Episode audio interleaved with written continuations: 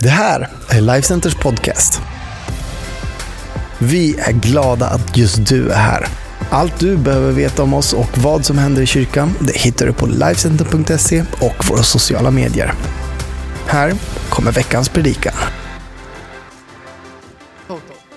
Nu börjar predikan. Ehm, ska vi be? Tack Jesus för att, ehm, för att du lyser på ditt ord eh, idag, Herre. Jag, jag, jag ber att det som jag säger och det som jag tror du har lagt på mitt hjärta, Herre, att det ska få beröra människor, Herre. Jag ber att vi får öppna upp våra hjärtan. Jag ber att vi får lära känna dig lite bättre idag, Herre. Gud, jag tackar dig för din nåd, Herre. Jag Tackar dig för din, din kärlek, Herre. Jag tackar dig för att du är större än precis allt. Du är större än alla våra problem och allting som vi går igenom, Herre. Du är större. I Jesu namn. Amen. Vi ska börja med att läsa Bibeln. Det är väl bra. Eh, vi ska läsa ett stycke och det här är dagen efter Jesus har haft sin bergspredikan. Och det är en väldigt känt sammanhang. Det är ifrån Johannes 8. Vi börjar från vers 1. Det ehm, handlar om Jesus och äktenskapsbryterskan. Jag kommer läsa igenom det här och sen så kommer jag ge er några små intressanta fakta och så kommer vi gå vidare därifrån. Så står det så här. Sedan gick var och en hem till sitt och Jesus gick till Olivberget. Tidigt på morgonen var han tillbaka på tempelplatsen. Allt folket samlades omkring honom och han satte sig ner och undervisade dem. Då förde de skriftlärda och fariséerna dit en kvinna som hade blivit gripen för äktenskapsbrott. De ställde henne i mitten och sade, Mästare, den här kvinnan greps på bar gärning när hon, gick, när hon begick äktenskapsbrott. I lagen har Mose befallt oss att stena sådana. Vad säger då du? Detta sade de för att pröva honom och få något att anklaga honom för. Men Jesus böjde sig ner och började skriva med fingret på marken.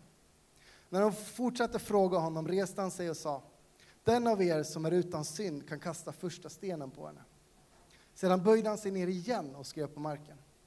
När de hörde detta började de gå därifrån, en efter en, den äldste först. Han blev lämnad ensam kvar med kvinnan som stod där. Jesus reste sig upp och sade till henne, kvinna, var är de? Har ingen dömt dig? Hon sa, nej, herre. Då sade Jesus, inte heller jag dömer dig. Gå och synda inte mer. Jag tycker den här texten är, den har väldigt, väldigt mycket intressanta delar i sig. Och lite om hur liksom samhället fungerade på den här tiden. Um, jag ska, jag ska säga några, bara egentligen intressant, intressanta delar ifrån den här texten. Eh, nummer ett är, på den här tiden så var äktenskapsbrott otroligt allvarligt. Men för att någon skulle bli tagen på bar gärning så krävdes det två vittnen som såg samma sak. Och vi pratar inte så här, de där två gick ut ur ett rum tillsammans, utan det är i akten. Två vittnen som står och tittar på för att de ska kunna anklaga henne. Jag tycker det, det blir lite intressant i den här texten. Vart är, vilka är de här två vittnena? är, är en av dem som är... För vart är mannen? Han har också begått ett äktenskapsbrott. Vem nu som är gift på något sätt, så har ju han också begått ett äktenskapsbrott. Vart är han? Är han en av dem som anklagar henne? Har de liksom gått ihop och ska försöka sätta dit Jesus? Och så har de iscensatt det här på något sätt. Jesus böjer sig ner i texten och han gör det för att visa respekt och ödmjukhet inför kvinnan. Precis som han gör för oss. Jesus svarar inte gruppen heller, direkt. Eftersom att det är en fälla och Jesus förstår det. Han ser direkt att det här är, det är något som är fel här. Så han svarar inte utan han låter det vara. Och sen tycker jag det intressantaste är, vad skrev han på marken? Skrev han upp de som anklagade henne? Skrev han upp deras namn? Skrev han upp eh, Moses lag som de då säger att enligt Moses lag så ska vi stena henne? Sitter han och skriver den? Vad, vad skriver han på marken? En del säger att när jag läst liksom kommentarer och, och, och, gjort lite research så säger de att han skrev på marken för att dra ut på tiden. För att lugna ner hela stämningen. Till slut så säger Jesus till den här kvinnan, när alla har lämnat, när alla har släppt sina stenar, för att ingen av dem är syndfri. Precis ingen av dem. Och det vet de. Till slut så släpper alla stenarna och då säger Jesus, gå och synda inte mer. Han säger inte, jag accepterar, det är okej. Okay. Alltså, men han säger inte så här, jag välsignar det du har gjort. Han säger, gå och synda inte mer. Han ser att det är en synd. Men han säger, gå och synda inte mer. Och det är det som jag vill fokusera på mina 9 minuter och 39 sekunder kvar. Vi ska prata om frälsning. och jag ska försöka.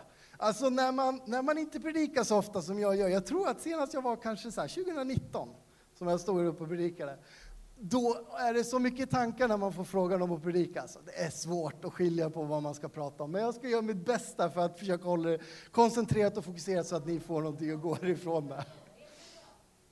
Frälsning pratar vi väldigt mycket om kyrkan, men ändå kanske inte tillräckligt mycket. Det är det här som kallas evangeliet, det glada budskapet. The gospel, som man säger på engelska. Och ganska ofta så brukar vi kanske lite slarvigt förklara vad frälsningen är. Inte fel, men kanske lite slarvigt. Så säger vi så här, du är en syndare som är på väg mot helvetet. Ja, Gud älskar dig, Jesus dog på korset för dina synder och om du tror på honom så får du komma till himlen när du dör, punkt. Lite sådär. Ja, det stämmer ju. Det är bibliskt, men jag tror att det finns mer. Jag tror att det finns något djupare i det här, som vi kanske gör misstaget av att inte berätta när vi predikar om frälsning, när vi pratar om frälsning. Frälsningen handlar så mycket mer om än om att du bara ska komma till himlen. För jag tror frälsningen handlar mer om att himlen ska komma in i dig. Här och nu. Precis där du går fram så ska himlen gör ett nedslag i ditt liv.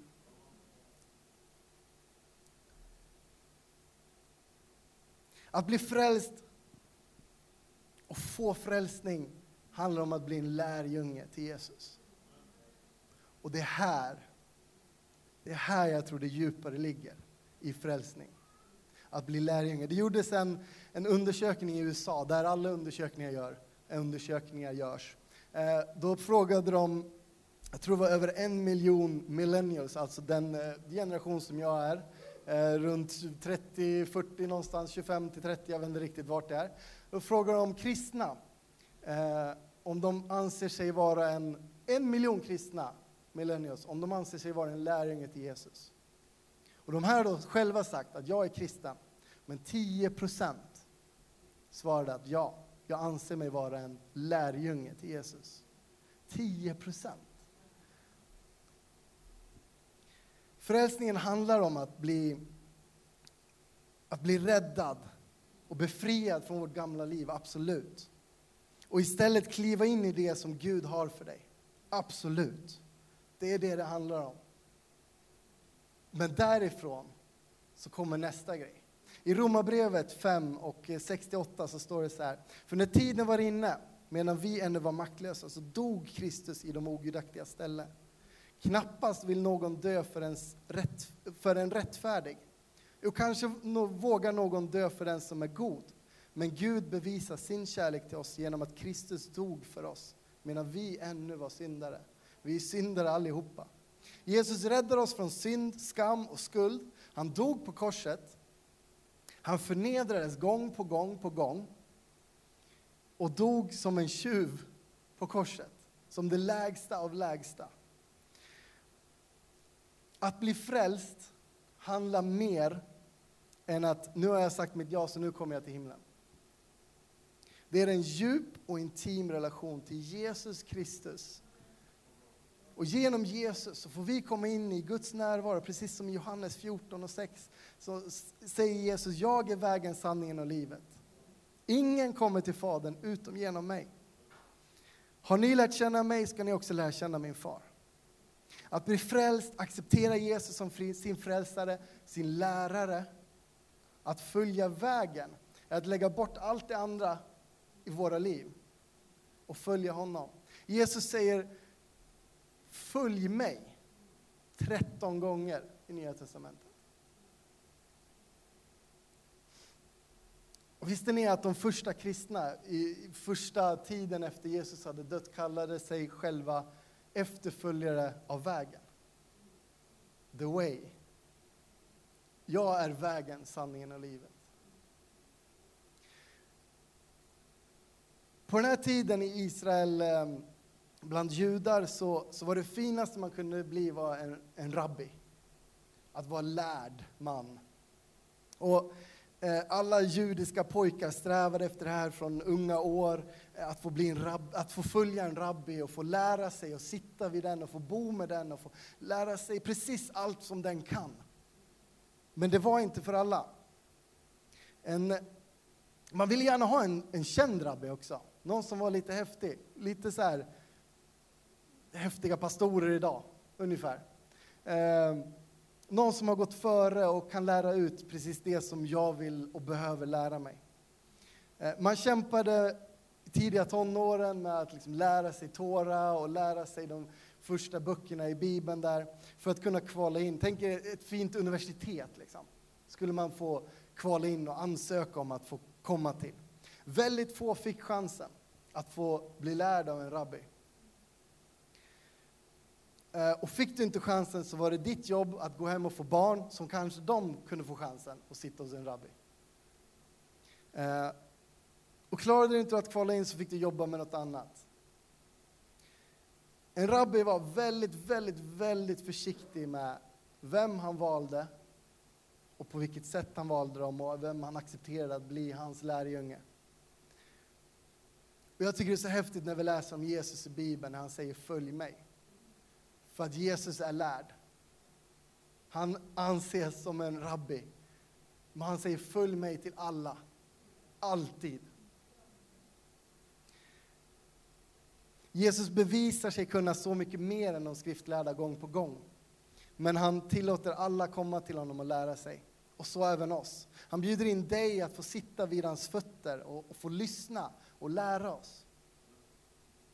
Hans närmaste tolv lärjungar som vi läser om i Bibeln arbetade som en massa olika saker, tror jag. Vi vet två yrken de hade, det var fiskare och tullindrivare. Tullindrivare var det ingen som tyckte om på den tiden. Eh, fiskare tyckte väl alla om, men, men det var liksom ett så här SKIT-göra.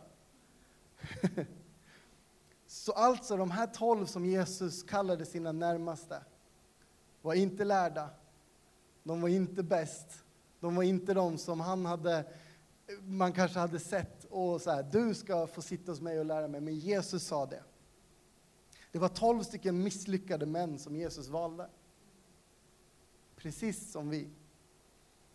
Okej, om vi går tillbaka till den här äktenskapsbryterskan, gå och synda inte mer.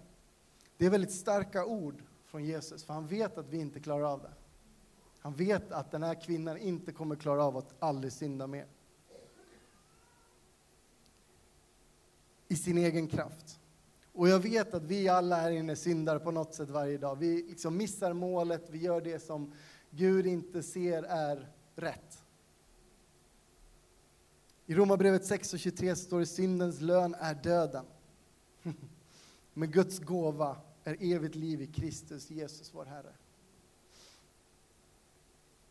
Synd är när människor går emot Guds vilja och gör det som är ont och avskiljer oss från Gud. Synden leder till död för att Gud är liv.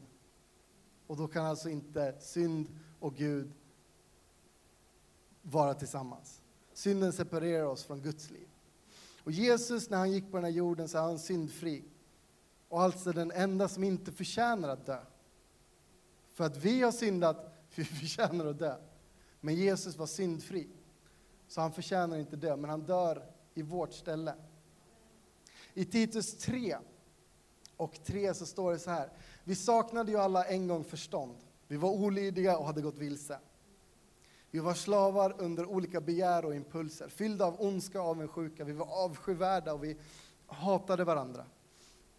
Men när när Guds, vår frälsares, godhet och kärlek till människor uppenbarades räddade han oss, inte för att vi handlade rättfärdigt utan därför att han är barmhärtig.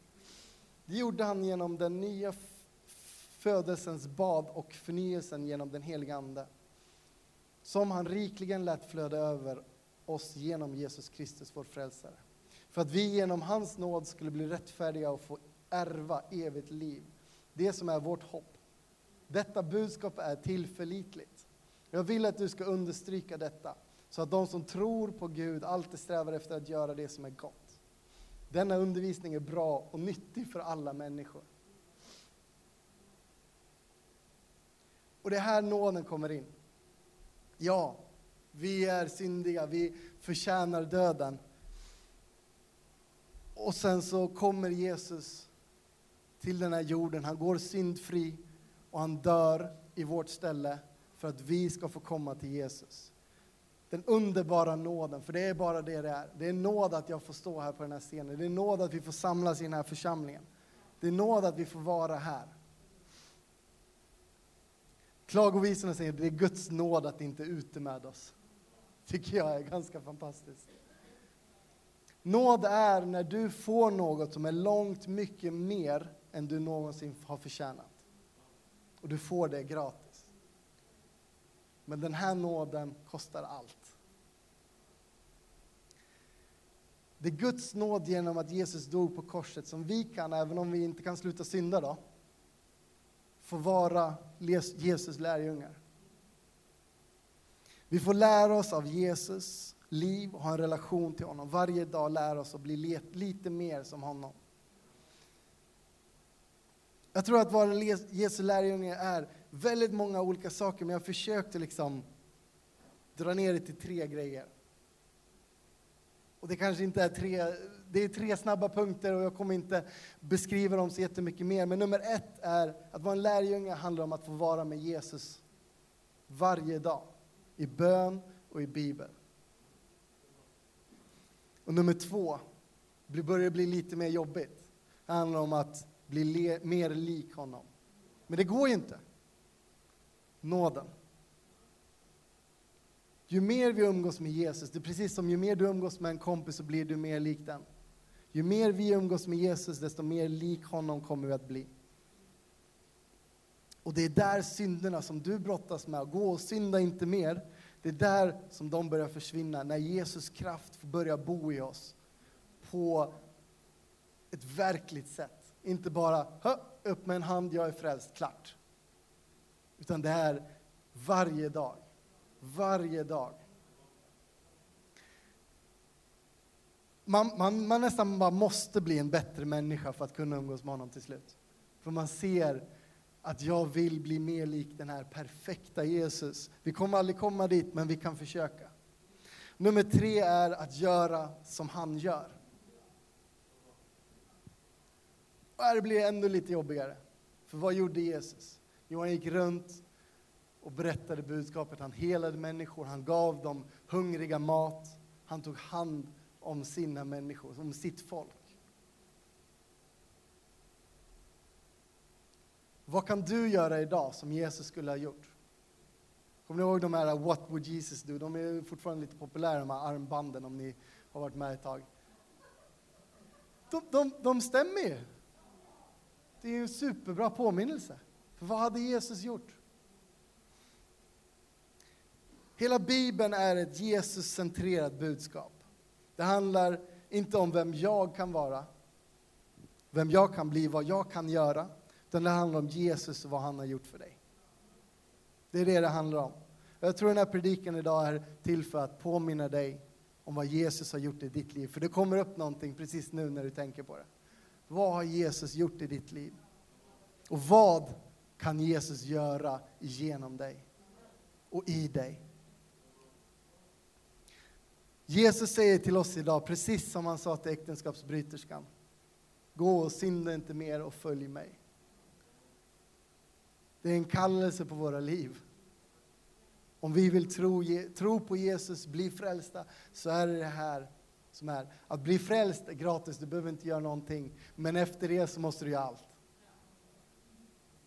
Och det är lite där jag tror att vi missar. Vi berättar inte hela sanningen när vi pratar om frälsningen, för det blir ganska enkelt, flummigt. Vill du bli frälst? Varsågod, här, klart. Nu kan du gå och göra precis vad du vill. Nej, det handlar om att gå och synda inte mer och följ mig. Det handlar om så mycket mer att följa Jesus. Att följa Jesus är en inbjudan att få bli en lärjunge till Jesus. Att varje dag bli mer och mer lik honom. Att förvandlas och förändras och försonas. Att vara lärjunge till Jesus, det, det drabbar hela ditt liv tror jag. När vi verkligen, verkligen går in för det.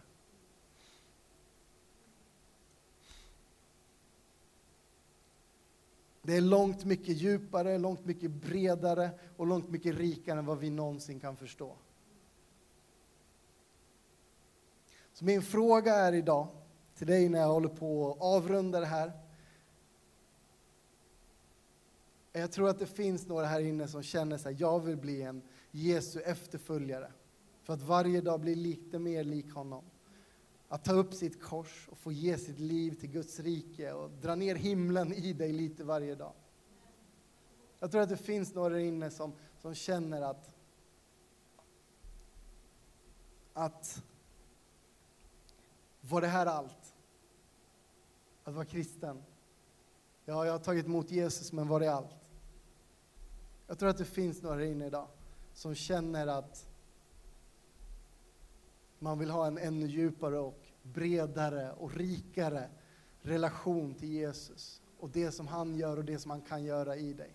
Att bli förvandlad på insidan. En, en relation som inte bara förvandlar dig utan de som är runt omkring dig också. Jag skulle vilja att vi böjer våra huvuden och finns du här inne som känner så här, jag, jag vill ha en djupare relation till Jesus idag och börja idag.